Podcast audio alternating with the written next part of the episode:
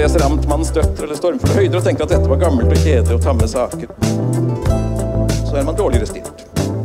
Men jeg, jeg likte det alvoret som kom inn der, da.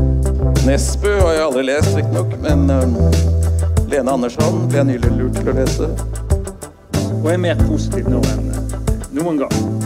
Og så er da diskusjonen i gang. Alltid ufullkommen, alltid mangelfull, men alltid verdt å føre. Ja, velkommen til en eh, ny utgave av Hagesalongen. Eh, Vi har jo til vanligvis et eh, podka live-podkast eller en live-salong på Amalies hage på eh, biblioteket i Bergen, men har nå flyttet oss eh, til Litteraturhuset for en festivalspesial. Og når jeg sier vi, så mener jeg jo da Eh, mitt navn er da Erlend Lisberg. Jeg er litteraturkritiker i Bergens Tidende og stipendiat på allmennlitteraturvitenskap ved Universitetet i Bergen. Og min faste makker eh, ved min side er da Erik Bjerk Hagen, professor i allmennlitteratur og eh, kritiker i Morgenbladet. Lenge siden sist, Erik. Det er det. Hyggelig å være i gang igjen. Vi skal jo fortsette resten av semesteret. Ja, det har skjedd uh, mye siden sist. Uh, forrige Hagesalongen. Vi har hatt et pausehalvår, så forrige Hagesalongen var vel i april eller mai eller noe sånt. Uh, ja, hva skal jeg spørre deg om? Har du, gleder du deg til den nye pornofilmen til Michelle Wolbeck?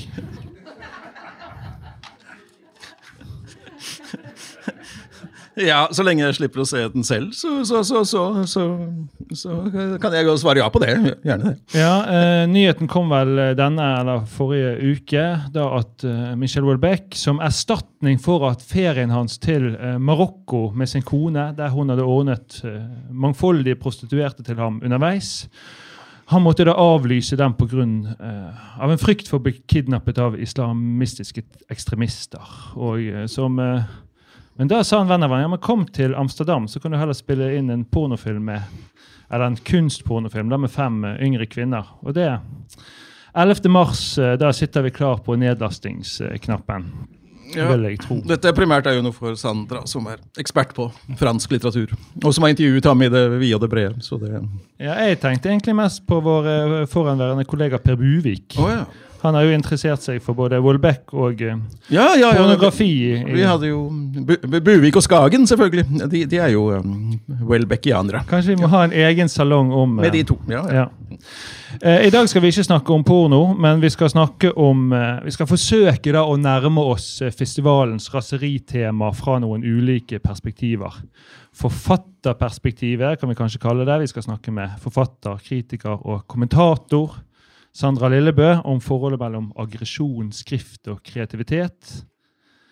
Den koleriske litteraturkritikeren Preben Jordal ble med for å diskutere temperament i kritikken, og til slutt får vi besøk av Georg Johannessen-biograf Alfred Fidjestøl til å Der vi skal spørre han om eh, hvorfor Johannessen skapte og fremdeles synes å skape så mye aggresjon. Men siden vi en gang, for en gangs skyld er på Litteraturhuset, må vi vel først begynne med den ampre debatten eh, i kjølvannet av Litteraturhusets tiårsjubileum.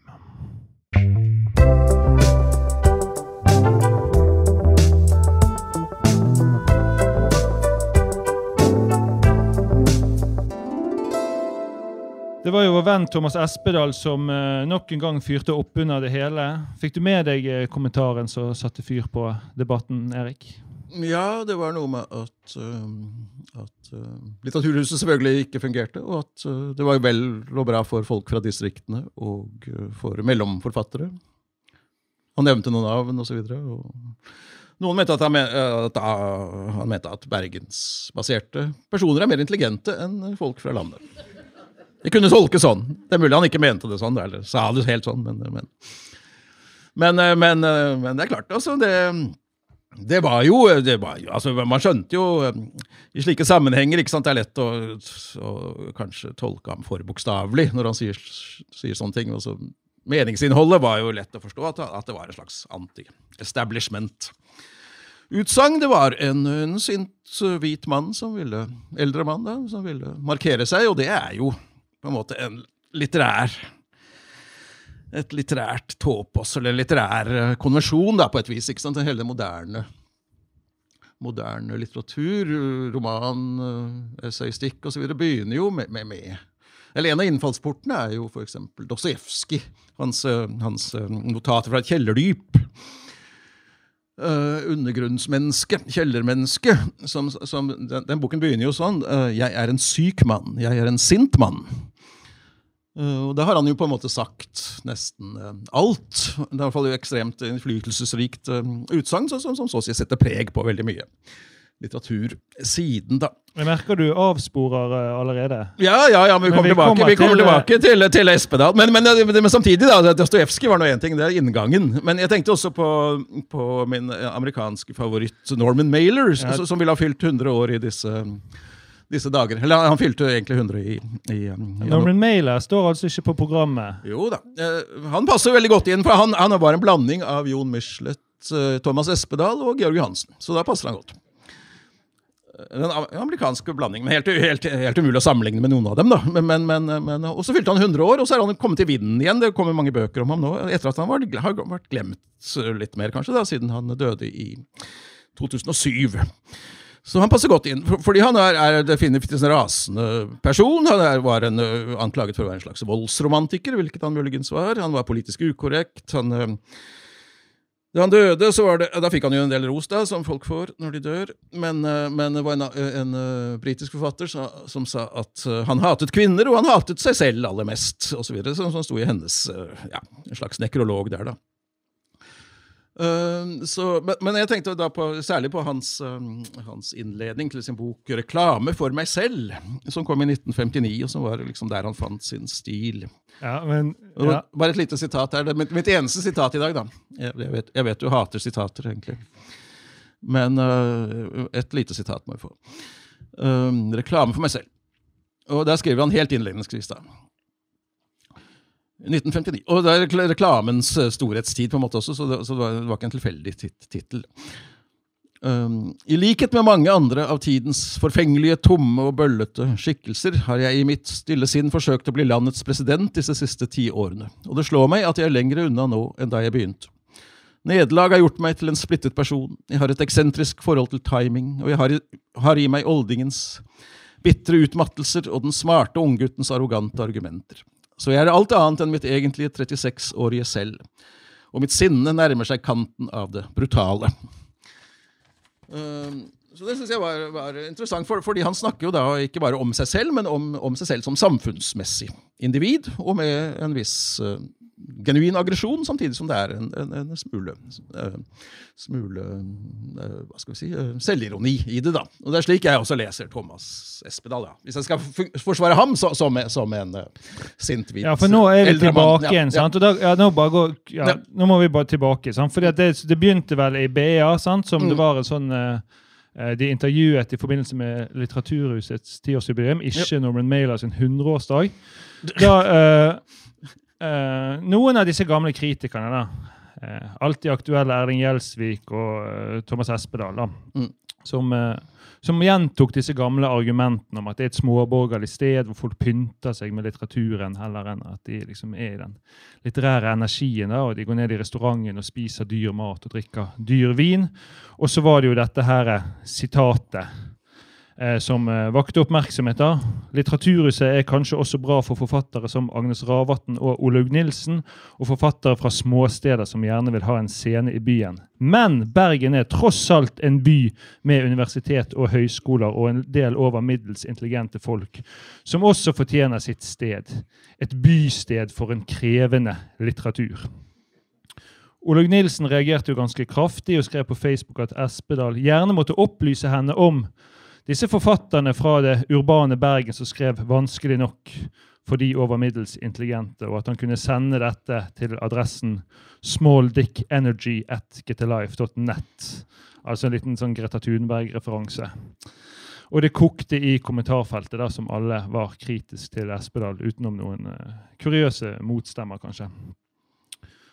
Uh, jeg, vet, for, jeg vet jo hva small dick energy uh, betyr. Nei, jeg kan tenke meg det. Hvis jeg, jeg, jeg, jeg visste ikke at du hadde en klar definisjon.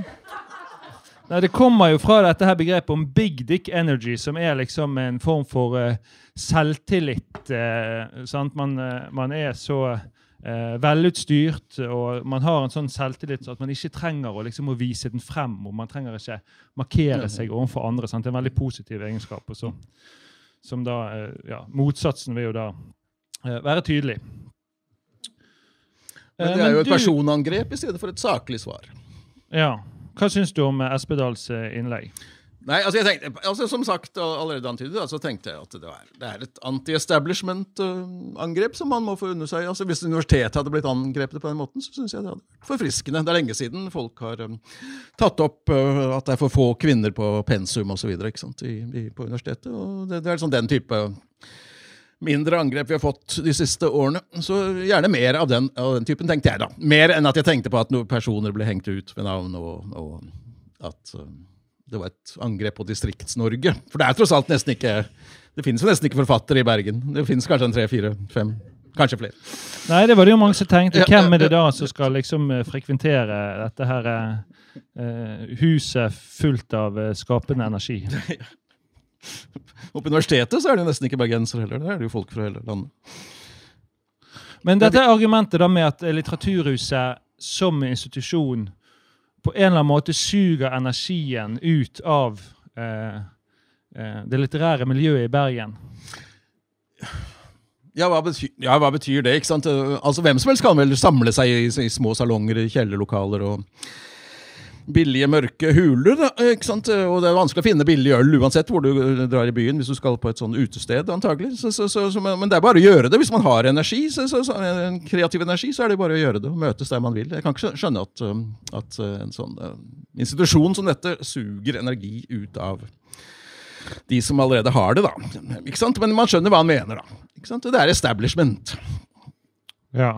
Ja, Så du er egentlig litt, eh, litt eh, Du er en slags apologet du for Espedal? Ja, ja. nå. Forsvarer ham så lenge. Ja, men da får vi opp, eh, kan vi bare få opp en av de som ikke er apologet for Espedal. da. Fordi at vi skal få opp vår første gjest, Sandra Lillebø.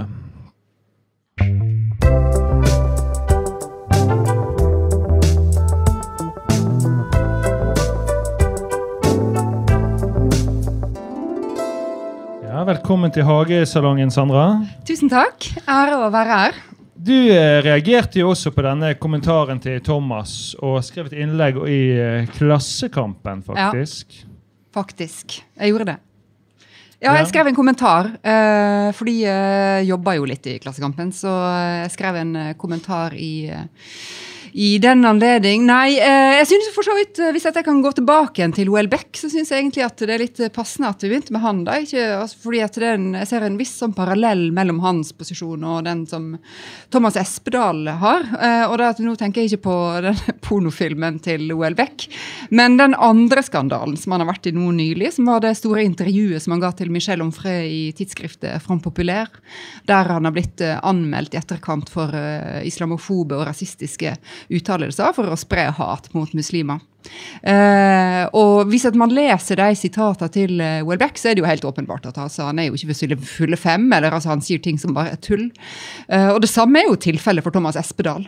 Så eh, problemet i begge de sakene her er jo at det er menn som blir spurt om ting ikke i kraft av at de sier så utrolig mye smart, men i kraft av at de er kjendiser på en eller annen måte. ikke sant? Det finnes jo ikke noe mer establishment i Bergen enn Thomas Espedal. så, så ja. Så det prøvde å si litt om i, eh, i den eh, kommentaren. Da. Det, på en måte syns at eh, altså, Han kommer jo ikke med noen argument på noen måte. ikke sant? Det er jo drittslenging mot kollegaer. det er drittslenging, altså Han er misfornøyd med et eller annet. Han skulle ønske at ting var sånn som det var før, osv. Altså, ja, nei. Uh, ja, jeg tenker man må bare slutte å spørre den mannen om hva han syns. Ja, men, så, men det, det er jo noen argumenter. da, liksom At det er stor eh, distanse mellom de på scenen og de i salen, og særlig eh, til, ned til eh, kafésamtalene etterpå. Sant? For at jeg har en eh, Nå står jo en bartender her borte fra, fra sikkert ser sur på meg, men dyre priser da i baren. Ja.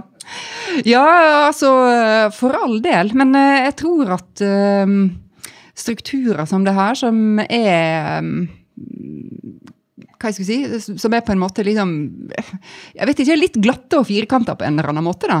Eh, på mange måter er mer inkluderende enn det eh, uformelle litteraturlivet. Det er veldig mye vanskeligere å Hvis at du går på byen, og så ser du en gjeng med forfattere, og så har du lyst til å snakke med dem og sette seg ned sammen med dem og bare ta en øl, liksom. Altså, det, det er ikke Så inkluderende er ikke litteraturmiljøet. Da er det faktisk veldig mye enklere å kjøpe en billett til Litteraturhuset og gå og høre på et arrangement, og så får man kjøpe seg et glass vin hvis man har råd til det også.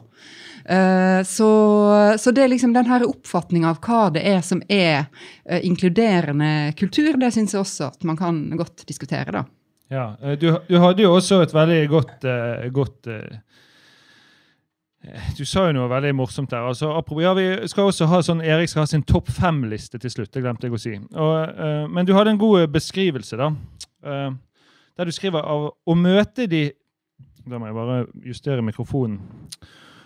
Av at å møte de ypperste litteratene i byen og på universitet, universitetene ikke alltid er det som skal til for å høyne intelligensen. De kan tvert imot noen ganger føles som å, så klamme at man skulle tro man hadde gått feil og havnet i en herremiddag til Bergens næringsråd. Dersom Thomas Espedal hadde tatt seg bryet med å oppsøke noen av de lavlitterære arrangementene han forakter slik, ville han kanskje oppdaget hvor befriende det kan være å slippe de evinnelige diskusjonene om hvilke forfattere som egentlig er best, som om om det var en eller annen skisport vi bedrev. Ja, Dette her står jeg for 100 Ja, Erik, føler du deg truffet?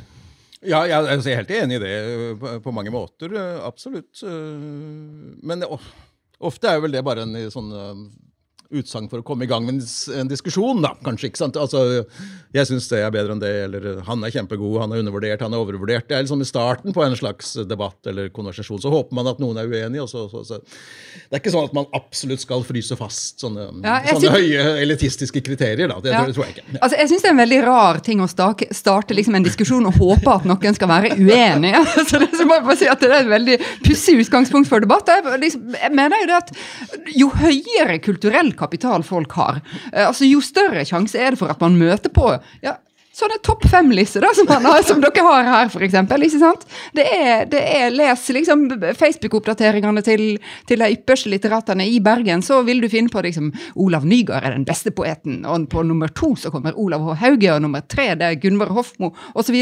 Altså folk som skriver, elsker å holde på med det her, og det er veldig en veldig ulitterær tilnærming til eh, litteratur. Så men, mens folk som leser uh, Anne B. Ragde sine romaner, folk som leser liksom, løkkeskriftlitteratur, er som oftest veldig opptatt av hva de får ut av det, og hva de handler om, altså kanskje hvordan det historiske brukes. Ikke sant? Man går rett på en måte inn i temaet. Jeg sier ikke at det er det eneste man skal holde på med, men, men uh, si bare liksom at denne her uh, um, den her sånn oppfatningen om at eh, samtaler med folk med mange studiepoeng i litteratur nødvendigvis gir liksom en sånn kvalitativt høyere eh, nivå på diskusjonen, det er feil.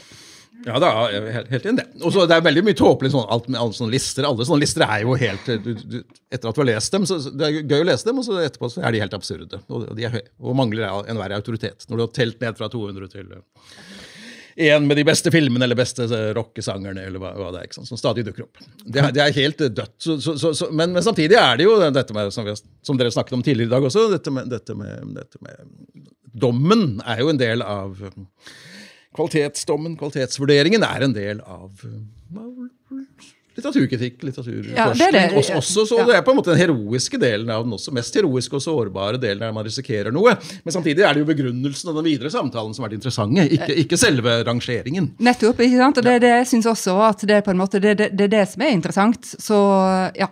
Nei. Jeg kan, jo, jeg kan jo avsløre at hvis eh, Erik kjeder seg på seminaret på universitetet, og sånn, så begynner han å skrive liste. Da tar han alle nobelprisvinnerne i rekkefølge nedover. Så ser man fremdeles kommer, kommer, kommer på alle sammen.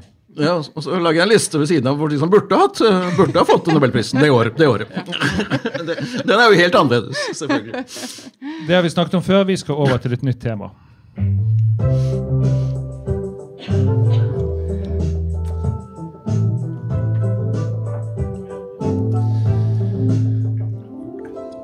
For raseri blir jo som vanlig vanligvis da forbundet med en som en destruktiv kraft. Noe negativt, noe som ødelegger og bryter ned. Ja, kanskje et, ja, Litt som Small Dick Energy, kanskje. Eh, men så hevdes det da i festivalprogrammet denne her, ja, denne kontragreien da, med at raseri også kan ha en kreativ kraft, som hele festivalen her spinner rundt. da. Og Sandra, du er jo en forfatter som jeg oppfatter har et uh, ordentlig temperament i det du skriver, i egentlig alle dine sjangre du opererer i. Ja. Har uh, raseri og aggresjon noen kreativ uh, kraft for deg? Altså, ikke per se, men jeg tror det er nødvendig å kunne kjenne på raseri for å kunne skape noe. Eller for å Ja, for å, for å kunne skrive, eller for å, for å, kunne virke i verden som menneske, rett og slett. Jeg tror en, tror det er en ganske grunnleggende følelse. Eller følelse eller erfaring. altså Det kan være det også. Um, jeg kommer veldig ofte tilbake igjen til den her fantastiske fortellingen til Tove Jansson som heter 'Det usynlige barnet'.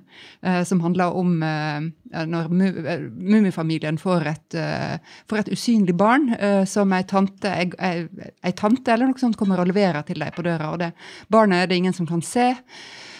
Uh, og ja, Det er sikkert mange av dere som sitter her som kjenner, det, kjenner til det fra før, men jeg forteller det likevel, i tilfelle noen ikke har hørt om det. Men og der, eh, der uh, Mummimamma skal gjøre barnet synlig igjen. Og hun gjør barnet synlig med sin, med sin omsorg. Uh, så litt etter litt så kan man se mer, mer og mer av den jenta her, da. Uh, og så står det liksom bare litt grann igjen til slutt. Um, og det kommer først fram når hun blir sint den første gangen uh, den første gangen den usynlige jenta blir sint. Og det er når hun føler at hun har noe hun skal forsvare. Det er når, noen, når hun oppfatter at noen angriper Mummimamma, denne personen som har gitt henne så mye omsorg, og som har sørga for at hun har blitt synlig. Uh, når hun på en måte har forstått sitt eget livsvilkår og ser at det er trua, så blir hun synlig som person, som en, et helt menneske, uh, for første gang. Og det syns jeg er ganske sterkt.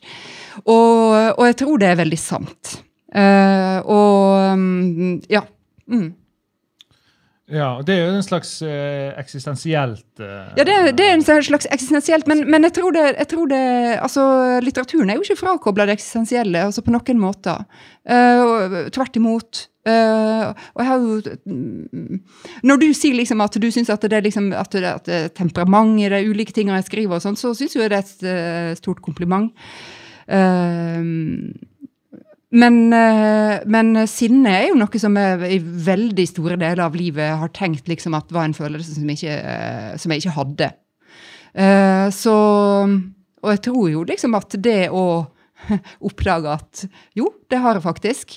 Har vært viktig for å, for å kunne liksom, formulere noe, og for å, for å, kunne erkjenne, og for å kunne se ting som jeg ikke hadde sett før. Ja, er, det forskjellig, er det forskjellig sinne som uh, motiverer på en måte sakprosaen, og det som på en eller annen måte motiverer eller ender opp i, som skjønnlitteratur? Ja, det er det jo. Det er jo altså, det politiske raseriet og det eksistensielle raseriet kan jo krysse hverandre, og, og, det kan være det samme, men det trenger ikke nødvendigvis å være det.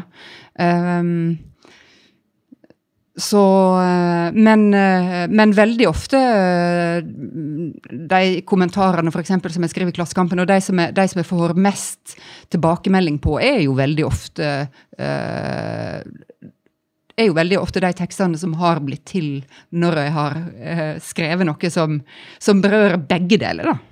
Uh, som berører både det eksistensielle og det politiske. Og det politiske berører jo faktisk veldig ofte det eksistensielle på, på en eller annen måte. Ja, for I romanen din, uh, 'Tingenes tilstand', så er det jo en Jeg oppfatter det som en eller annen ja, en slags ag et aggressivt behov for at denne fortellingen må ut. på en eller annen måte. At du er på et eller annet sted er du sint. Ja. Eh, ja. ja. ja.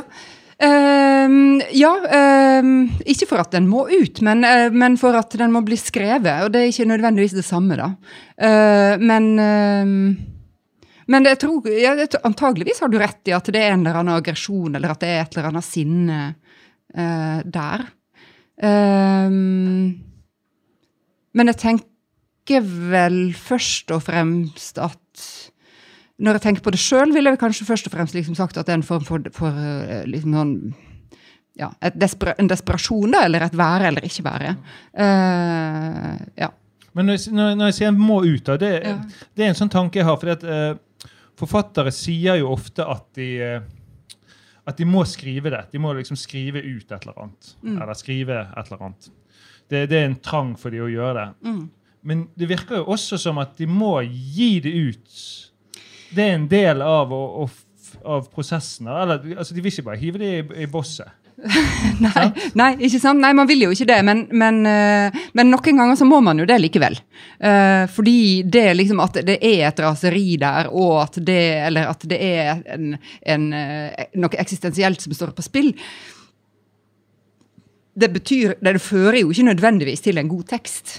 Eh, og det vet jo alle som har prøvd å skrive noe, at, uh, at uh, sånn er det jo ikke. Og som regel når man skriver noe som, der man føler liksom virkelig at nå, nå står noe på spill, nå erkjenner jeg noe som er veldig viktig, så, så går det liksom to dager, og så skjønner man liksom at ok, det var kanskje ikke så viktig.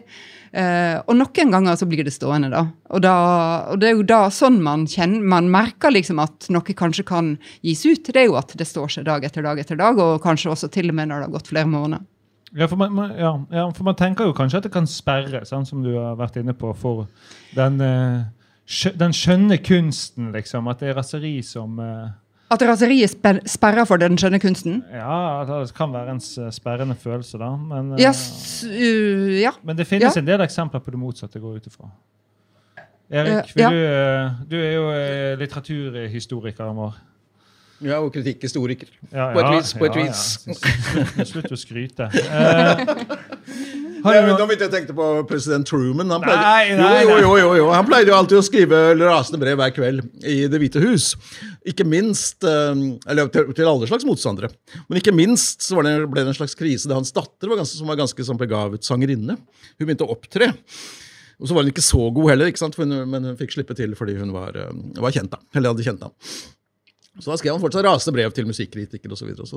Men uh, postet dem aldri, disse brevene. Bortsett, bortsett fra ett. Bortsett fra ett Det var liksom noen litterære eksempler ja, ja, ja, ja, dette er innledningen. Bortsett fra ett brev som kom med en ti siders angrep på denne musikkritikeren. da. Og det kommer selvfølgelig da i avisene dagen etter. Og det skal du sikkert lese nå. Ja, ja, ja, alle ti, alle ti sider. Ja, ja, altså Bjørnson, da, selvfølgelig. Han øh, skrev ut fra raseri. Han var jo rasende. Hele, hele hans øh, forfatterskap er jo en slags oppgjør med eget raseri. Egen sånn vikingmentalitet. Det er jo det bondefortellingene faktisk handler om. Handler om. Altså, Torbjørn Granlien må legge av seg sitt, sitt uh, vikingraseri og bli en sivilisert øh, person som fortjener å gifte seg med Synnøve Solbakken. Og etter hvert så, så ble han jo mer og mer eh, opphengt, etter, etter hvert som han fikk fiender osv., så, videre, så, så ble han jo mer og mer, og skrev han flere og flere sånne hevntekster, kan man si. Da. Men han visste jo hvor impulsiv han var, så han ventet alltid ti år med å skrive, skrive disse hevntekstene. Fra han opplevde ting eh, og ble såret og så, videre, så tok det ti år. Og det mente han var lurt, og det var det helt sikkert. da. Så eh, det er jo en måte Altså Ibsen, da, hans samtidige og konkurrent, eh, han øh, fikk jo kjeft for gjengangere. Og det var det eneste gangen øh, Eller ikke sant, fordi det handlet om syfilis osv., og, så videre, eh, og det ble ikke oppført. Eh, Og da skrev han jo for første gang skrev han et skuespill året etter, og det var en folkefiende. Og det ble, tol ble tolket lenge som et angrep på kritikerne, gjennom altså denne doktor Stockmanns ulike tirader om at eh, flertallet alltid tar feil osv. Eller sterkeste mann eh, er den som står alene. Men uh, samtidig var det jo bare et forsøk på å skrive noe kommersielt og salgbart, som, som viste at han kunne skrive ufarlige ting. Det, det er den mer vanlige tolkningen nå. At Ibsen var en feiging, og han visste, visste hva som Hvis han gikk over streken, så trakk han seg fort, fort tilbake. Uh, ja, du har jo Lennon og McCartney skrev jo stygge sanger til hverandre. ikke sant? Uh, uheldige tekster, men ofte veldig gode melodier, da, av en eller annen grunn. Eh, bare to, ja, det er to eksempler til. Den amerikanske forfatteren uh, Saul Bellow, hans mest kjente bok, handler om uh, et voldsomt oppgjør med konen som forlot ham da, for, til fordel for, for hans beste venn. Uh, voldsomt uh, angrep på henne uh, og, og han. Men, og denne gode vennen, eller eksvennen, han anmeldte selv boken også. Så det er jo pikant detalj når det gjaldt uh, den boken. George Harrison, Eric Clapton de hadde, hadde taklet det, det, samme tilsvarende forhold på en uh, bedre måte. Så det er mulig da musikere takler sjalusi bedre enn forfattere. Det er mulig. Men, men det fins masse, selvfølgelig. Hele veien. Fulle av aggresjon og hevn og, og um, uendelig med eksempler. Uh, vi har jo nettopp vært på et arrangement om, med fire koleriske kritikere, der det ble eh, sagt da, at Sandra blir forbanna hvis man unngår å, å, å, løfte sånne naturlige klasseperspektiver. Så vi må vel kanskje innom det for å, for å slippe unna vreden. Eh, dette, denne ideen om raseriet som en kreativ kraft, er det en, en, en overklasse problemstilling på et vis? Altså, Er det et privilegert raseri vi snakker om? Ja, På en måte så vil jeg si det. Jeg syns jo det er interessant at jeg synes jo det er interessant at f.eks. hvis du ser på de mest iherdige jihadistene og sånt, er jo ofte relativt privilegerte folk. Den novella til Tove Jansson som jeg pekte på, eller som jeg snakka om i sted, den peker jo mot noe av det samme. så så så ja, til en viss grad vil jeg si det. Altså at, uh, at den største Altså det verste undertrykkelse gjør med folk, er jo at det gjør dem apatiske og ute av stand til å verken se sin egen situasjon eller til å, til å handle uh, på, på, grunnlag av den. Altså at man er, man er liksom for utslitt uh, av livet og, og systemet at, til, til, at man eh, makter å gjøre opprør på noen måte. Så, eh, så det liksom å, å, klare å være i stand til å mobilisere en, et raseri eller en opposisjon på en eller annen måte, det, eh, det betyr at jeg tenker det betyr at da har man fått noe på et eller annet plan. Det betyr liksom ikke at alle som føler på sinne, er liksom småborgerlige. Uh, men, uh, men, uh, men, det betyr liksom at ja, jeg vet ikke, Alle bekymrer seg for en to- eller treåring som aldri viser sinne. ikke sant? Da skjønner man liksom at ok, det er kanskje noe med det barnet her. Eller det er kanskje noe med liksom hvordan det barnet her har det. ja. Ja, Eller det er barnet som banker opp alle klassekameratene. Ja, det er barnet som banker opp, men ikke sant? Men det barnet gir jo tross alt beskjed på en eller annen måte. Mm. Ja, det er, ja, det er sant. Eh, vi går over til neste problemstilling.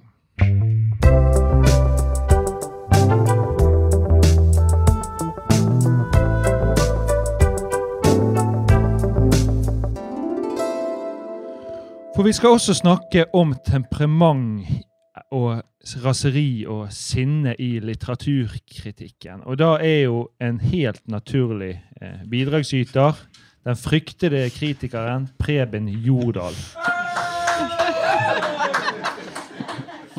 Fryktet og jovial.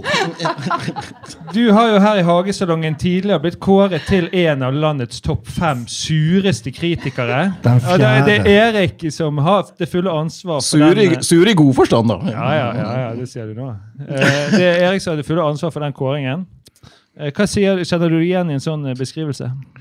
Jeg syns det er litt feile ord å bruke på det. Altså Sur, ja. Altså, han mener jo å, å vri det til et Altså ubestikkelig og, og grunnleggende kritisk.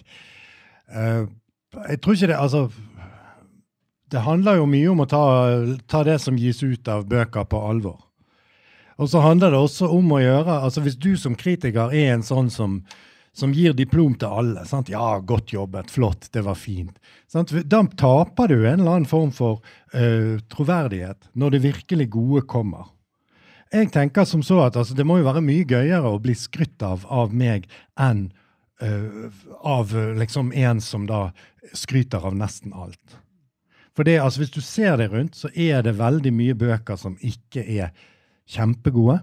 Derfor, altså, det, altså Jeg prøver å si at ved å være litt sånn krit... Altså ved å, være, ved å fremstå litt sur og litt, være litt sånn veldig streng, så skaper du deg et, et register som kan brukes til å Når det først kommer, bra, kommer, noe bra, så kan du være den som sier 'Dette er så fett at du tror ikke på det'.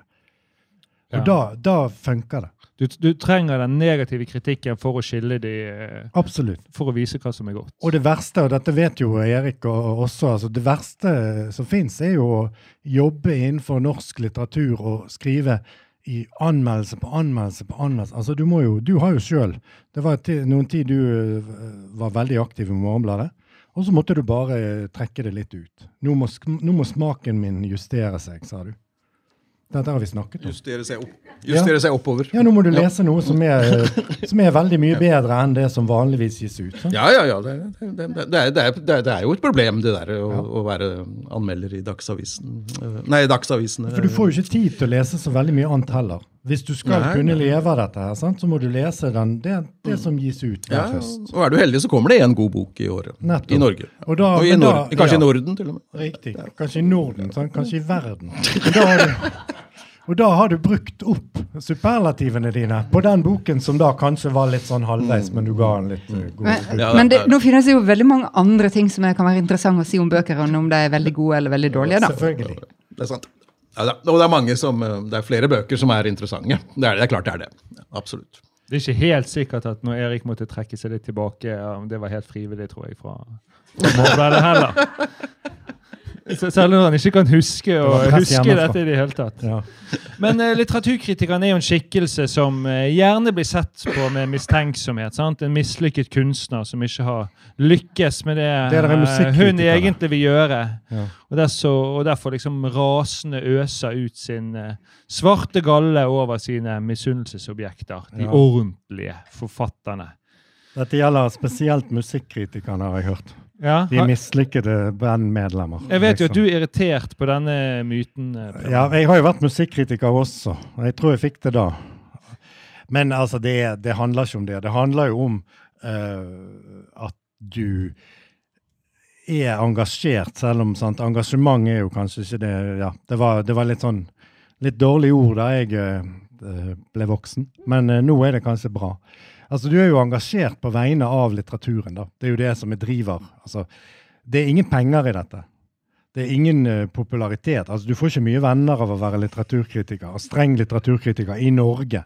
Altså, Hvor mange er vi? Vi er som altså, fem mennesker som skriver. Altså, Det er helt Men um, Du får venner hvis du skryter av folk. Da får du, Ja, ja, da, ja. sant? Da får du Sånn flere, er det jo flere alltid. enn én en venn. Ja, ja. Den ene hånden vasker den andre, som de sier på Cecilia. Nei, men altså, hvis du tar eh, eh, Altså, jeg føler ikke at det treffer så veldig voldsomt. Altså det der med at du Altså mislykket. Altså, det handler om um, Det handler om at du må skrive bra nok til at folk ikke klarer å, å komme forbi det du har skrevet om den boken. Hvis du klarer det, så Altså, det, altså jeg bryr meg veldig lite om Altså hvis folk da altså Hvis folk leser min litteraturkritikk og tenker å, han er bare misunnelig fordi at han ikke er forfatter selv, så kunne de tatt seg noen eh, vekttall hos eh, Erik her på Litvit og lært å lese. Ja, jeg har jo tenkt, Ofte knyttes jo dette raseriet eller den sinte kritikeren til slakten. Og det tenker jo jeg kanskje egentlig forholder seg motsatt. Altså Når jeg slakter noe, så er det gjerne ikke eh, at jeg er så aggressiv eller er sur. eller noe sånt. Det er jo på en måte, Da er jeg mer liksom inspirert og, og finner setninger som jeg har lyst til å løfte fram for å vise at dette er dårlig. og sånn. Mens når jeg blir sur eller sint, det er hvis det er veldig kjedelig. Ja, i midten. Ja. Mellomsjiktet. Ja, men da må, du, da må du bringe veldig mye inn selv. sant? Ja. Får, altså det er jo sånn at du får språk av å lese det beste og det dårligste. Da får du mye, Plutselig så har du masse notater. sant? Det er mange ting du kan si. Du vet inngangen, du vet hvordan du skal legge det frem. Mens altså, disse mellombøkene de er vanskelig å si noe om. For det, altså, I hvert fall for å få, å få det til å bli en tekst som du selv har lyst til å lese. Det viktigste er jo at man er eh, helt, eh, som eh, jeg tror Sandra sa det tidligere i dag, at, dette, at man er 100% ærlig. Men det er, det er vanskelig fordi En ting er at man, hvordan skal man tolke sine egne følelser, opplevelser, erfaringer. Det er ikke alltid så lett. Men det andre er jo at det er veldig få heltids som virkelig lever av å være kritiker. De er jo alt mulig annet i tillegg. ikke sant? Det, det gjelder jo til og med Bernhard Ellefsen i Morgenbladet. Han må gjøre alt mulig annet. Og Ingunn Økland i Aftenposten gjør vel alt mulig annet. De lever, jo, de, de lever og ånder ikke som kritikere slik, eh, slik eh, forfattere kan gjøre det, ideelt sett. da. At de bare er kunstnere på heltid. liksom. Men det bør de jo egentlig være, for det er jo en slags kunstform det også, å skrive god kritikk. Hvis de, hadde, hvis de virkelig hadde vært, uh, vært kritikere som viet hele sitt liv til å være kritikere, så, så ville vi fått uh, ideelt sett da en veldig god kritikk. Og da ville det antagelig vært enda strengere. Sannsynligvis. Vil jeg tro. Det kan godt være. Ja. Altså De vilkårene kritikerne jobber under, er jo under enhver kritikk. De får jo aldri nok betalt i forhold til altså Hvis du sammenligner med de fast ansatte i avisen altså Se på lørdagsavisene i dette landet, som er stort sett kritikk. sant? Altså det Lørdagsdelen er et portrettintervju, det er noe sånn, en kommentator, og så har vi noe kritikk av både TV-serier og, og bøker og sånn. Alle de, altså Stort sett så er de frilansere, de som leverer den kritikken. Det er ofte det mest lesverdige stoffet i hele avisen. De får betalt mye dårligere enn de som er fast ansatt. De kan dasse rundt. Altså, De som har det best i dette landet, det er jo de der eh, aviskommentatorene. Og nå, altså Apropos vrede, er det noe som får meg forbanna i, i dagens situasjon? Nå har alle de der, der halvstuderte løkene de har fått rett når det gjelder eh, Russland og Ukraina. Sant? Nå har de fått rett. Altså Alt, alt som venstresiden har kritisert det offisielle Norge for å holde på med. Denne der serviliteten overfor USA. Altså den der eh, Nato-dyrkingen. Plutselig så får du sånne tomsinger som skriver i lokalaviser om altså hvordan Rødt tenker egentlig. At ja da, vi, altså, Som om de vet hva Putin tenker. Sant? Som, om de, altså, som om de kan russisk. De vet ingenting. Det eneste de kan, det er å lese, altså, det er å lese USA-aviser. De kan lese New York Times. That's it. Og de har det best av alt. De har ofte faste jobber.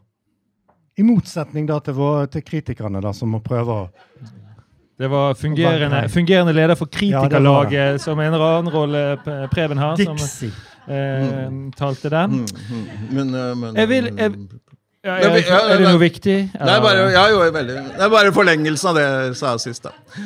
Eh, men altså, bare for å konkludere eh, at Altså, det, det, det, for det skjer veldig sjelden. Da. Den, vir, den virkelig vellykkede litteraturkritiske akt, hvor ofte skjer den? Så, så, som bør jo selvfølgelig være en slags debatt, eller involvere flere enn da. Hvor ofte skjer den? Det, det, det, skulle man virkelig opplevd en, gang-. På en eller annen festival, eller på Litteraturhuset, eller på en kneipe som um, Espedal frekventerer. Men, men, men, men er, det er veldig sjelden man, sjelden man, eh, man opplever det. Virkelig. Ikke sant? At, man, at, at man føler, alle føler seg Jo, vi- tilfreds med, med, med alt som er sagt. Mm. Ja, men vi har jo hatt en god altså jeg vil si for eksempel sånn når det gjelder virkelighetslitteraturen. De nordiske fagmiljøene. altså Der har vi vært mye bedre enn la oss si i, u, altså, anglosaksiske, tyske. sant? Helt annen skarphet i resepsjonen av virkelighetslitteraturen i Danmark og Norge og Sverige enn det har vært. Altså, Der ligger vi ganske langt foran. de. For det, der, er de, altså, der blir det noe eksotisk, og det er noe mer sånn eh, eh, Even when I was bored, I was uh, entertained, som eh, James Wood. Eh, men apropos Ja, det, det, det har vært en god debatt, og, alt, i alt alt, over, over flere år. Ja. Så det, jeg mener, altså, det er ikke en enkeltkritikk, men det er en mer, altså, da er det sånn Da blir det en slags Ja, da, ja. Det blir en sak av det. En langvarig sak. Eh, apropos, så har jeg lyst til å spørre Sandra om det angående virkelighetslitteratur. Fordi at du, uh, Din siste roman, sant? der har du jo din uh, ja, Nå kalte vi det aggresjon da, og temperament Ja. og følelser som du kommer med. Og Hvordan er det å bli møtt? Altså Du sender de på en måte ut i, ut i verden da, med denne Mm. boken, og så møtes de da av litteraturkritikerne, som gjerne behandler det Kanskje på en annen måte enn det du tenker Ja, det burde, så- sånn det burde behandles. Som ren form. Ja, ja, for eksempel. Eh, ja.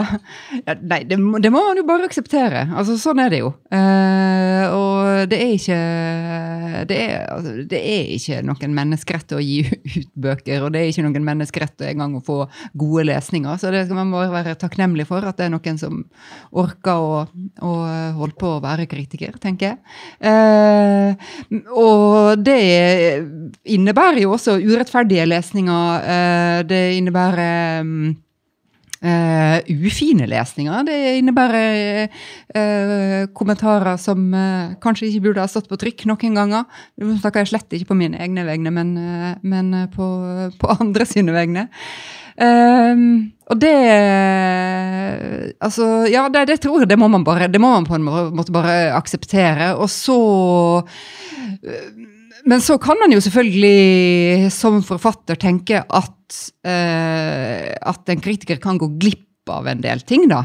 Uh, og en av de tingene som jeg prøvde å, å problematisere i, i, tingenes tilstand, uh, det var jo at um, det var jo nettopp dette her med at det å Det å på en måte ha en sterk historie uh, er ikke i seg sjøl nok til å bli hørt. Uh, du må på en måte også kunne liksom sette deg inn i en estetisk form som er akseptabel for offentligheten, og som offentligheten er klar til å ta imot. Og det er, altså det, og sånn er det, og det kan man like. eller, altså Jeg prøvde å problematisere det. Noen liksom, prøvde liksom å si det liksom Ja, du vil ikke at man skal ha en estetisk bedømmelse. og sånt. Jeg sier ikke, Nei, jeg sier ikke at jeg ikke vil ha det, men jeg sier at den finnes. Og at det, det at den finnes, det har noen konsekvenser. Og det vi tar hele tida avgjørelser i våre liv som er etiske og som er politiske, men som er basert på estetikk. Uh, og som handler om f.eks. Altså, hvordan er det vi uh, henvender oss til mennesker som ikke f.eks. ser skitne ut, eller, eller, som ser overvektige ut, eller ser liksom Eller en kvinne som ser veldig muskuløs ut. ikke sant? Altså alt, alle, Vi gjør slike estetiske bedømmelser hele tida. Og i litteraturen gjør vi også slike estetiske bedømmelser. Um, og det gjør det at vi gjør uh, alle de estetiske bedømmelsene, gjør at det er en god del erfaringer i offentligheten som aldri blir hørt. Og det prøvde jeg å si noe om, da. Det, uh, det, betyr liksom ikke at vi ikke skal ha kritikk, og at kritikk liksom ikke uh, bør finne sted, og sånt, men at Men jeg ville bare, bare gjøre oppmerksom på, på at det finnes også liksom en, en hel uh, underverden av uartikulerte uh, erfaringer som folk har. Uh, og jeg syns, jeg syns, at de også fortjener liksom at, ja, at noen sier at ja, jeg ser det. Ja. ja og det, altså Tilbake til det du begynte med å si. at Det er jo, altså det er jo viktig at man lærer seg å beskytte seg selv. Sant? For, altså, forlaget må, lære, må, må, hjelpe til. Og forfatterne de, Gir du ut en bok, så må du beskytte deg selv litt. Du kan ikke ta det som et angrep på din egen person hvis den boken får dårlig kritikk. Men det er jo også sagt, altså, ikke dermed sagt at all kritikk er god.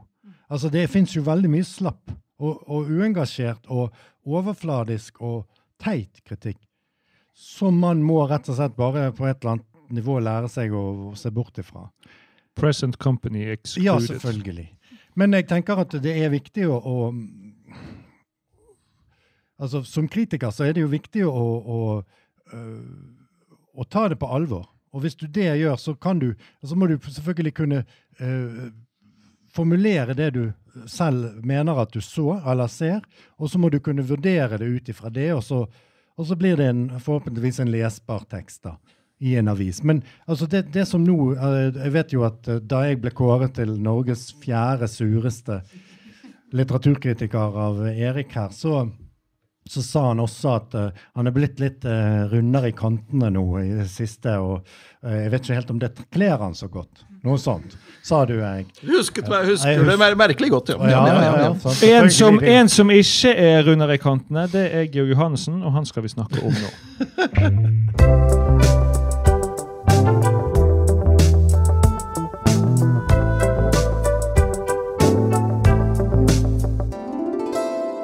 For Georg Johannessen fortsetter å engasjere og er da særlig i vinden etter Alfred Fidjestøls biografi som kom nå i høst. Velkommen til oss, eh, Alfred. Tusen takk.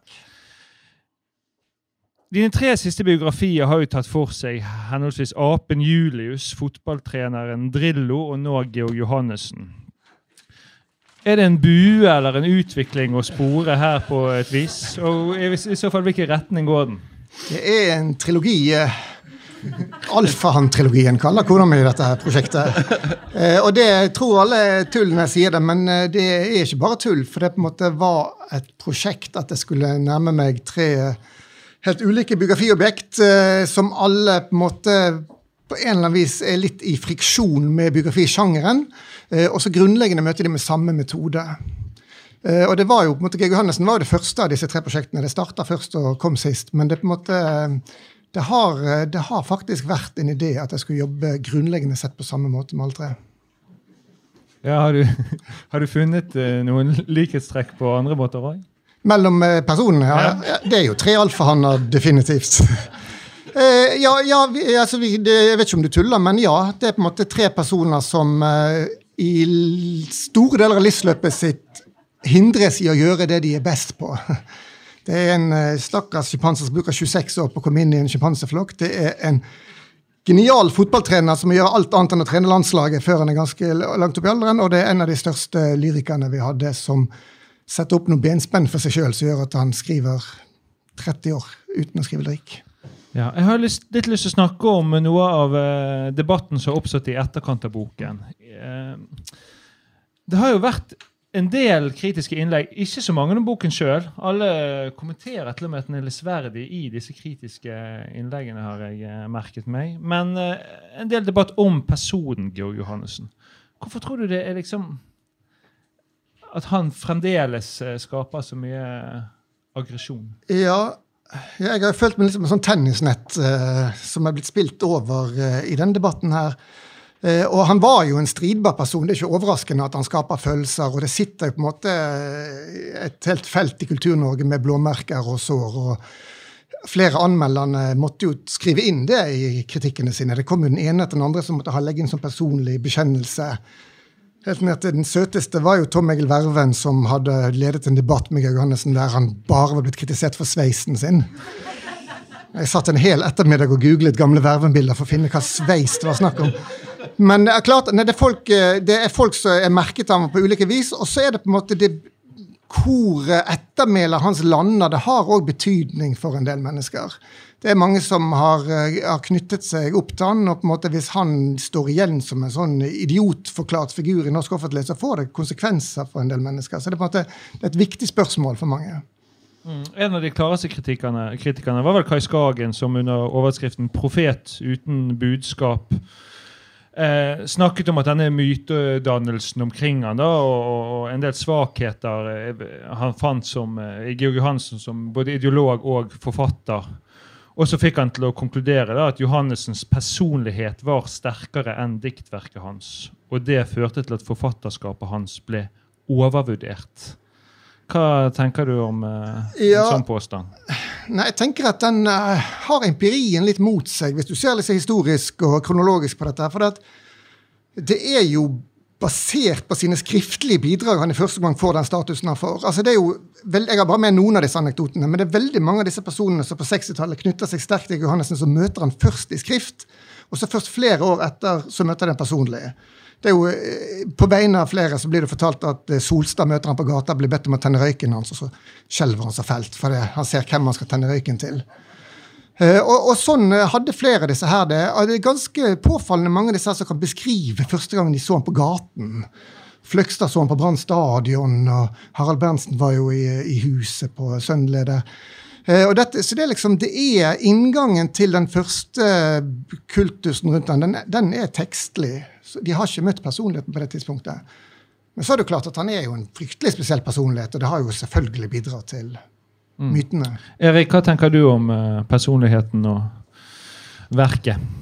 Ja, altså, altså, Den store kritiker Samuel Johnson sa jo det om, i 1765 om Shakespeare, at nå var alle uh, som kjente ham, døde, og de som kjente de som kjente ham, var også døde. Så da, nå kunne vi endelig vurdere ham objektivt. da. Så det er jo litt tidlig å snakke om. Det var kanskje en innvending jeg hadde mot uh, den veldig lesverdige biografiene. At, at, at, at, kanskje du tar hans litterære status litt for gitt. altså Det er vel et mer åpent spørsmål. Det er, det er veldig, veldig, mange veldig mange oppfatninger der ute. da.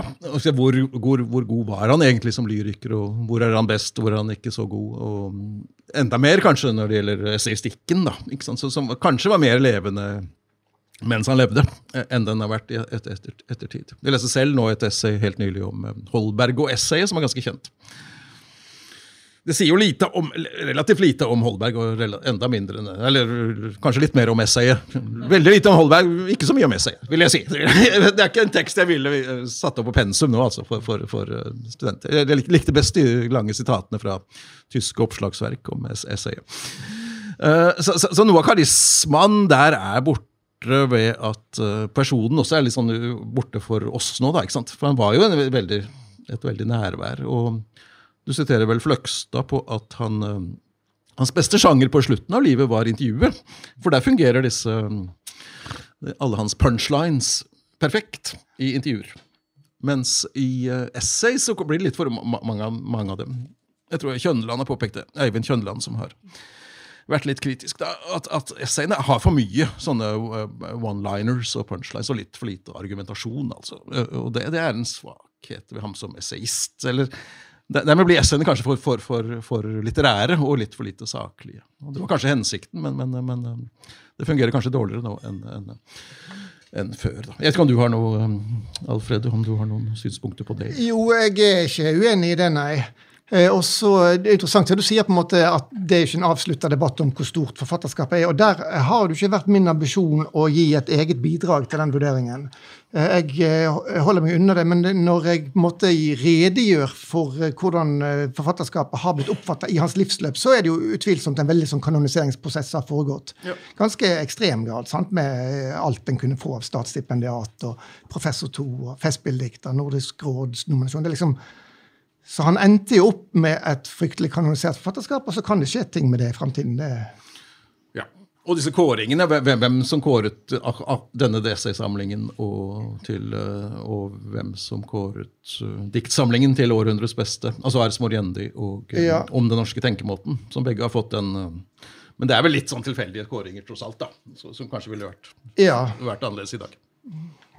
Det slo meg også da jeg leste biografien din, Alfred, at, at eh, jeg har litt følelsen av at når han altså Han blir oppfattet som veldig drøy som polemiker. Sant? Han sier bl.a. at uh, en Nato-politiker er verre enn en sedelighetsforbryter. Sånne ting sier han. Og, og da, eh, altså, så har jeg en liten følelse av at han da altså det, Vi skal snakke om dette i morgen, det er derfor jeg tenker på det. At, altså da, da har du bergenseren som drar til Oslo, og så ser han om det er mulig å, å lage seg en sånn persona utenfor seg selv. Altså han, han blir en slags sånn refser som eh, skal fortelle folk drøye ting. Altså han, han, han har en eh, Jeg tenker av og til på det litt sånn altså, Det er veldig mye kunst og kultur, spesielt innenfor musikk, som handler om å melde fett. Sant? Rolling Stones, they say I am the midnight rambler. Altså, Det er jo dritfett, men altså, hva betyr det? Han er litt sånn. Sånn er Georg Johannessen. Han, han flytter det ut av seg selv. Så lager han en, en slags sånn eh, maske som han benytter seg av. I hvert fall i den tidlige perioden i Oslo. Har jeg følelsen av. Er dette et inntrykk som bare jeg har, eller er det eh, delt av flere? Altså, jeg mener at eh, for det, altså, det man da skal være forsiktig med, er å slutte tilbake til at her var han veldig eh, Her hadde han det vanskelig. altså Skjønner du hva jeg mener? Altså At han prøver ut disse retoriske, altså disse drøye utsagnene. For altså Han er jo selvfølgelig i opposisjon til det offisielle Norge. Han er veldig forbanna pga. Eh, krigen, etterkrigsopprør, alt det der. Så ser han. altså Han legger ut noen retoriske følere og ser eh, hva han får av respons tilbake.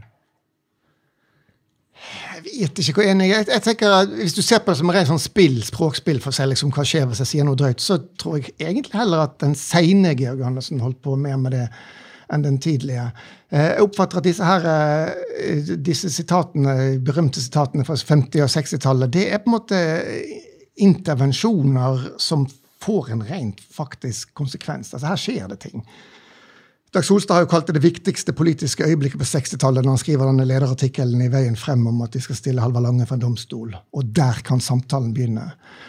Uh, det, det, dette var nok det, Vi må nok stille tiden tilbake for å skjønne hvor sjokkerende det var å skrive noe sånn om eh, landets utenriksminister og i Arbeiderpartistaten. og Det at en endte opp med den politiske utviklingen, fikk at det fikk parti til venstre, en avskalling og en Nato-kritikk, at, at noen måtte bryte isen og doksa med å si de tingene så rett fram at det var oppriktig mente utsagn som fungerte. Ja, men at, altså det, altså, hvordan skaff, skaffer han seg en posisjon der han blir lyttet til?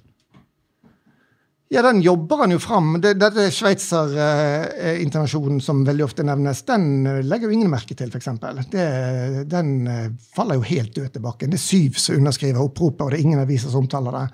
Så det, det, det, måtte, Han måtte jo jobbe seg fram til den posisjonen. og så Neste intervensjon i 56, når han går på andre siden av veien i demonstrasjonene, eh, så blir han også latterliggjort, utdefinert. Så det tar jo det mange års arbeid. Eh, Og så er det på en måte en annen mediesituasjon. Det er jo en tid der tidsskrift, små tidsskrift eh, får, blir lest av de rette folkene og kan bryte stillheten. Mm. men det er en fantastisk utsagn, dette med Halvard Lange. Når, når, husker du hvilket år? Det er 62. 62, ja. Eh, men eh, det hadde ikke vært samme effekt i dag hvis han hadde skrevet han eller noen andre om eh, det samme om uh, Thorvald Stoltenberg eller Huitfeldt. Det står jo i annethvert kommentarfelt. det Det, det, det hadde ikke, ikke sant, det står hele tiden. Ja, Alfred, du Men, sier men du, hans, nei. Men hans uh, viktigst, aller viktigste bidrag sånn forskningsmessig eller i kulturen, kanskje borte fra diktene selvfølgelig, da, det er jo dette med, med sakprosaanalysene, som jo, han jo var veldig tidlig ute med. da, og Dette at Dagsrevyen er på en måte en novelle eller en roman eller er skjønnlitteratur. Alt språk er diktning. Alt språk er diktning. Det var jo, der var han jo tidlig ute, og det hadde jo enorm innflytelse lenge. lenge. Men nå har det satt seg, på en måte, selvfølgelig, så, så, så, så det også mister vi litt av, av synet hans betydning der. da. Men, der har han jo en historisk rolle. I tillegg til at han selvfølgelig var en viktig i, i- fremveksten av modernistisk lyrikk. eh, Helt utvilsomt. Men den er jo ikke skrevet ordentlig, denne norske lyrikkhistorien etter krigen. Det Jan Erik Vold har alltid et- etterlyst den, og det med, vel med rette. Fins den? Den holder du på med nå. Nei, nei, du kan gjøre det. Gjør det. Eller noen andre. Eller, eller men, men noe som slo meg når jeg leste biografien og debatten etterpå, og hver gang det er snakk om Georg Johansen, det er at han får seg liksom en sånn krets og ja, altså disipler eller forsvarere og sånn, som liksom rykker ut på hans vegne. Og så har han kritikerne som står eh, ja, helt, helt sånn i motsatt eh, retning. da. Eh, og, og det tenker jeg, og, og selv i dag sant, så kommer Kai Skagen med den her, da rykker de ut én etter én av disse støttespillerne. Sant? Denne som vi ofte kaller for menigheten rundt den. Eh, hvordan var det å skrive en biografi med denne her eh, menigheten? liksom, eh, Å møte Amund Børdal på gaten etter du sendte han manuskriptet, og, og Bjørn Kvalsvik Nikolaisen og alle disse her. Ja, nei, Det er litt forskjellig fra person til person. Men eh, Amund Børdal har jo vært helt, eh, helt ubetalelig fantastisk. Han har han var vel formelt konsulent, så Samlaget ga ham vel sitt standard honorar, regner jeg med, men da har han hatt ett øre i timen i honorar, altså. Så han eh, Jeg er evig takknemlig han, for han Uten at jeg skal måtte, gi inntrykk av at han vil stille seg bak alt som står i boka, men så i hvert fall han har vært fantastisk eh, bidragsyter til prosjektet. Men har, det vært, har du følt at du har på en måte trådt inn i et uh, vepsebol? som man eh, Ja, sier? definitivt. Uh, Og det vepsebolet det er jo der hele tiden. Jeg føler jo, Det varer jo varer. Det er jo et halvt år siden boken kom, og jeg føler jeg kan fortsatt ikke få fred til å jobbe med mine egne ting. Eh, Men, eh, men eh, det, er jo, det er jo selvfølgelig det er jo et privilegium, jeg vet jo det. Og, og det handler selvfølgelig om Georg ikke meg, det vet jeg òg. Men det er på en måte det er ekstremt sterkt spenningsfelt rundt han fortsatt. ja. Hvorfor tror dere det er så altså at denne menigheten rundt Johannessen Det er ikke så mange andre forfattere eller, eller intellektuelle som har en sånn menighet? er det det? Nei, og så er det noe spesielt, for de er, er jo, menigheten er jo klassiske 68-ere, vel, ikke sant, som, som, som, og selvforståelsen deres er jo at de både er opposisjonelle og undertrykte, og samtidig, eller det er det som er selvforståelsen, samtidig som det er de som sitter med makten. Som, som, ska, som skaper en form for, for, for, for eh, paranoia, på et vis, på et vis i, i, i det segmentet der. Jeg vil ikke si at menigheten er seks- typisk 68. Jeg vil si at menigheten er typisk begavede menn. Altså høyt intelligente menn. Bare begavede. Ja, stort sett. Ja, altså, jeg vil, aldri, jeg vil aldri bruke ordet menigheten, for det er en av tingene det blir skutt for å si. Men altså, han har hatt mange ulike kretser opp igjennom, og det som er interessant eh, nå i den debatten etter Skagen, det er jo at det, det er jo ikke disse 68-erne som rykker ut. Nei, altså, det, nei, Det er helt stille fra Vold og Fløgstad og Økland. Eh, og jeg møtte Vold, og han var bare sånn Hva er det med han Skagen? Er han- er han helt dum, eller? Så de, de bare hever seg over det. Men de som svarer, det er jo de som har studert med på et tidspunkt. Det er Kvalsvik Nikolaisen, det er Otta Grepstad, det er Ingmar Mæland, Hans Mals Hansten, Amund Børdal. Eh, og det er på en måte det tror jeg vi forstår i denne eh, akademiske tradisjonen med at det, det har vært eh, elev under hos noen, det har jo ofte veldig verdi i akademia. sant? Alle filosofer som studerte under Habermas, nevnt det før de rekker å si navnet sitt. Eh, og hvis du har vært student under Georg Johannessen, og hans ettermæle står på spill, så har det reelle konsekvenser. Sant? Så det, det, liksom, det slaget om Georg Johannessen betyr noe mer for denne Det betyr veldig mye fortsatt, i, i overraskende grad nesten. da. My, mer enn for Vold og Fløgstad, som Ja, kan ja, le av det. Som tross alt, ja. Det, det er et godt poeng du bringer inn det tyske, Alfred. For det er jo litt sånn, altså det er litt tysk, dette her. sant? Altså Det er, det er mesteren, og så er det hans disipler, eller det er i hvert fall hans uh, videreførere. da, sant? Altså Han har han klarer å få, altså han har en voldsom aura, og, og det er veldig mange som føler, altså som, som føler at de lærer veldig mye av han. Og som alltid vil altså Livet der altså han, er, han, han har en livsendrende effekt på folk. Og det er jo veldig få vi kan si det om. Og hvis han fortsatt har det blant unge folk nå, så er det jo, så er det jo et stort uh, kompliment. Det er klart. Ja, det er jo eh, spørsmålet, da. Jeg, eh, når jeg studerte litteratur, så var liksom ikke Georg Johannessen en, eh, en person man hørte noe om i det hele tatt. Så, så det, det virker påfallende at, at at, ja, du har vel sagt i et intervju Alfred, at du har møtt liksom, noen som syns dette er verdens mest interessante bokprosjekt, og så har du møtt en del folk som sier sånn Hvem er Georg Johansen? Ja. Ja, Det er veldig mange som ikke har hørt om han, og blant ganske opplyste folk. Så han er, han, er ikke, han er ikke en av de der som har nådd ut til alle, så folk er klar over, som en av forfatterne i Norge fra 20. århundre. Mer forfatternes forfatter fortsatt, Ja. på, på et vis. ja. Angående den menigheten, så tenkte jeg eh, når dere ramset opp navn her i sted, at interessant å se hvordan den eh, Hvis man lager en sånn, eh, et sånt, en graf da, over hvor de befinner seg, og de som er i denne Dylan-menigheten. For det er jo også liksom litt sånn eh, begavede Ja, der er det kanskje også ubegavede menn, da. Det er mange av de samme, da. Ja, men mange av de samme også. Eh, men litt, dere skal jo snakke om det bergenske lynne i morgen. sant? Og da vil jeg spørre eh, det en, Ligger det noe i det bergenske lynnet som passer godt for både liksom, samfunnsrefsere og kritikere og, eh, og en sånn, Er det en slags, slags kritisk eh, Noe som bor i det bergenske? Eh, Da jeg var i Vagant, altså i, i riktig gamle dager, fra 2001 og frem i noen år, da var det veldig viktig at vi altså det var, Eller det var en viktig del av selve prosjektet at vi satt i Bergen og, og kikket mot Oslo, der Forlags-Norge var. Sant? Da hadde vi distanse til dem. Vi kunne liksom ta for oss deres uh, gullgåser, eller hva man nå skal kalle det. Sant? Altså, eh, det ga oss en litt sånn punkete energi. Sant? At vi kunne sitte der og kritisere utgivelser, mellombøker av kjente forfattere og sånn. Det syns vi var veldig bra. Om det har med bergensk eh, lynne å gjøre, det er jeg ikke sikker på, men i hvert fall det, det er lurt at vi er litt sånn Altså Det er aldri gøy å møte folk du har slaktet på fest. Så det, det Hvis du kan unngå det, så kan du kanskje gjøre en bedre jobb som, som kritiker av, av et system eller av en, en, et parti. eller sant? Trond Giske sitter i Trondheim og kritiserer sitt uh, moderparti i Oslo. Det er mye lettere enn hvis han satt i Oslo og gjorde det. Sitter på Grünerløkka, da. Ja. Jo, jo. Men forbausende mange litteraturprofessorer har jo vært fra Bergen. Fra Ja, det, det, eh, Så vi- Kanskje det er noe med eh, litteratur vi- vi- Noen har til og med søkt seg til Bergen for å få jobb her. eh, Du skal få snakke mer, Erik, men vi må rett og slett, rett og slett gå på din topp fem, tror jeg. Var den god? Hvordan var den god? Hvorfor var den god? Hvor mange fullkomne Ibsen-skuespill finnes det? Ikke så mange. Ja, det, det. Det var flott. Det var flott. Men jeg, Ibsen som forfatter hadde i det hele tatt sine begrensninger. For ikke å snakke om Hamsun unnsett. Undset. Bjerk Hagens topp fem. Ja, Erik, hva har du til oss i dag? Ja, det må jo være de mest rasende norske forfattere, men det er jo ikke lett å finne frem til dem, da. Uh, uh, egentlig. For ikke sant? noen er sur, Welhaven var sur, men ikke, kanskje ikke rasende. Uh, Undset var, stre, var streng, men kanskje ikke rasende.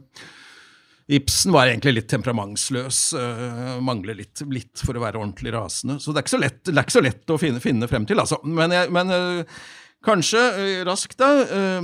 femteplass, Dag Solstad, bygger på f.eks. hans tidlige anmeldelser i, i, den gangen han var AKP-er, og før det, den gangen han var, var i profil, ikke sant, da han først sto frem. Veldig aggressive anmeldelser mot Bjørgvik og Hjortejegeren pumper løgnen inn i deg. Når det. Han, til, han anmeldte til og med film, film i Klassekampen.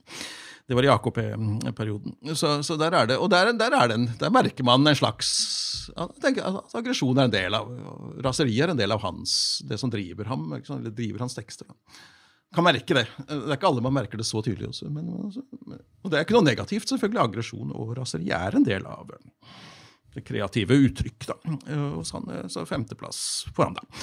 Det, er- hva er hans mest aggressive roman? Har han veldig aggressive romaner? Det må jo være at han drar på turné mot og uh, hudfletter Ingunn Økland. eh, Ja, det var det også litt Høyt fremskreden alder. Det er er litt sånn imponerende innsats, bare det. Ja. Logistikken der. Det var det, så, Nummer fire. Nummer fire, ja, det har jeg Vinje. Hans ironi er jo, er jo mye analysert, og mange har funnet misunnelse og surhet og gjerrighet der. Men eh, det er også en ganske mye aggresjon, selvfølgelig, fra hans husmanns, eh, husmanns eh, rolle eh, tidlig i livet. Og my mye aggresjon rettet oppover i samfunnet osv. Så, så, så, men, men hans ironi er jo, er jo ikke gjennomdiskutert. No, noen ganger forherligelsen, forherligelsen er bare som, som noe samfunnskritisk og kult, men, men det er mange trekk ved den som er analysert opp gjennom tidene. Og aggressiv er han, altså. Så fjerdeplass. Så kommer min eh, nålevende igjen, min favoritt, Ingel Johansen. Um, eh, min favoritt blant de nålevende. Fabelaktige voldsfantasier, særlig i eh, Bungalow. Nei, det der kjøper jeg ikke i det Jo, hele jo, tatt. jo, jo, jo, det. Jo, jo, jo. Altså, kranføreren som, som river et hus og, og, og, ser på huset som, om- som om han begår et Vi har kuttet denne spaltens Eriks favoritt. Uh... Nei, nei, nei, nei. Ja. Og så- og særlig teksten 'Voodoo'. En av de beste voldsfantasier i norsk litteratur. Det tror jeg, Ingel Johansen. Andreplass, eh, det må være eh, Bjørnson, fordi, fordi han eh, alltid altså er, le, er, er mer, til stede i sine tekster enn en, en andre, og er veldig sånn følelsesmenneske. Og aggresjon er en av hans viktige følelser. Og han er liksom en følelsesdikteren fremfor noen, og, og har alt, alt, alt til stede hele tiden, egentlig. En slags norsk Shakespeare. Eh, for, men førsteplass eh, kan ikke, allikevel ikke være han, for det, han, har, har, han er for vennlig, alt i alt. Eh, så det må være, heller være mm, Camilla Collett. Tror jeg kanskje er den, er den, er den mest aggressive og rasende. Eh, hun, eh, hun, hun pleide jo, når hun var, var, middagsgjest, så, så spiste hun middag, og så ville hun sove to timer etter middagen. Og så var hun sur i tre timer etter at hun våk, våknet og holdt en sånn lang tirade om, om og klaget på alt og alle. Antagelig inkludert middagen og sengen hun har sovet i osv. En skikkelig sånn uh, jødisk kvetsjing. Og, og så, men så ble hun visst verdens hyggeligste gjest, etter tre timers sånn uh, kla, klagesang. Og, og den aggresjonen er, ligger, altså, Amtmanns døtre, det, er jo, øh, det var jo hennes skrik, det lenge tilbakeholdte. Så der er det mer aggresjon enn hos noen mann i norsk litteratur. Preben, du som har møtt mange sinte forfattere, vil du eh, eh, Nei, Jeg syns, syns kanskje Ture Erik Lund kunne kommet på listen, men det er nå meg. Tusen takk for uh, oss. Eh, Tusen takk til våre gjester Sandra Lillebø, Preben Jordal og Alfred Fidjestøl. Vi skal ha hagesalonger på biblioteket igjen uh, både i mm, mars og april og mai. Ja da. Takk for oss.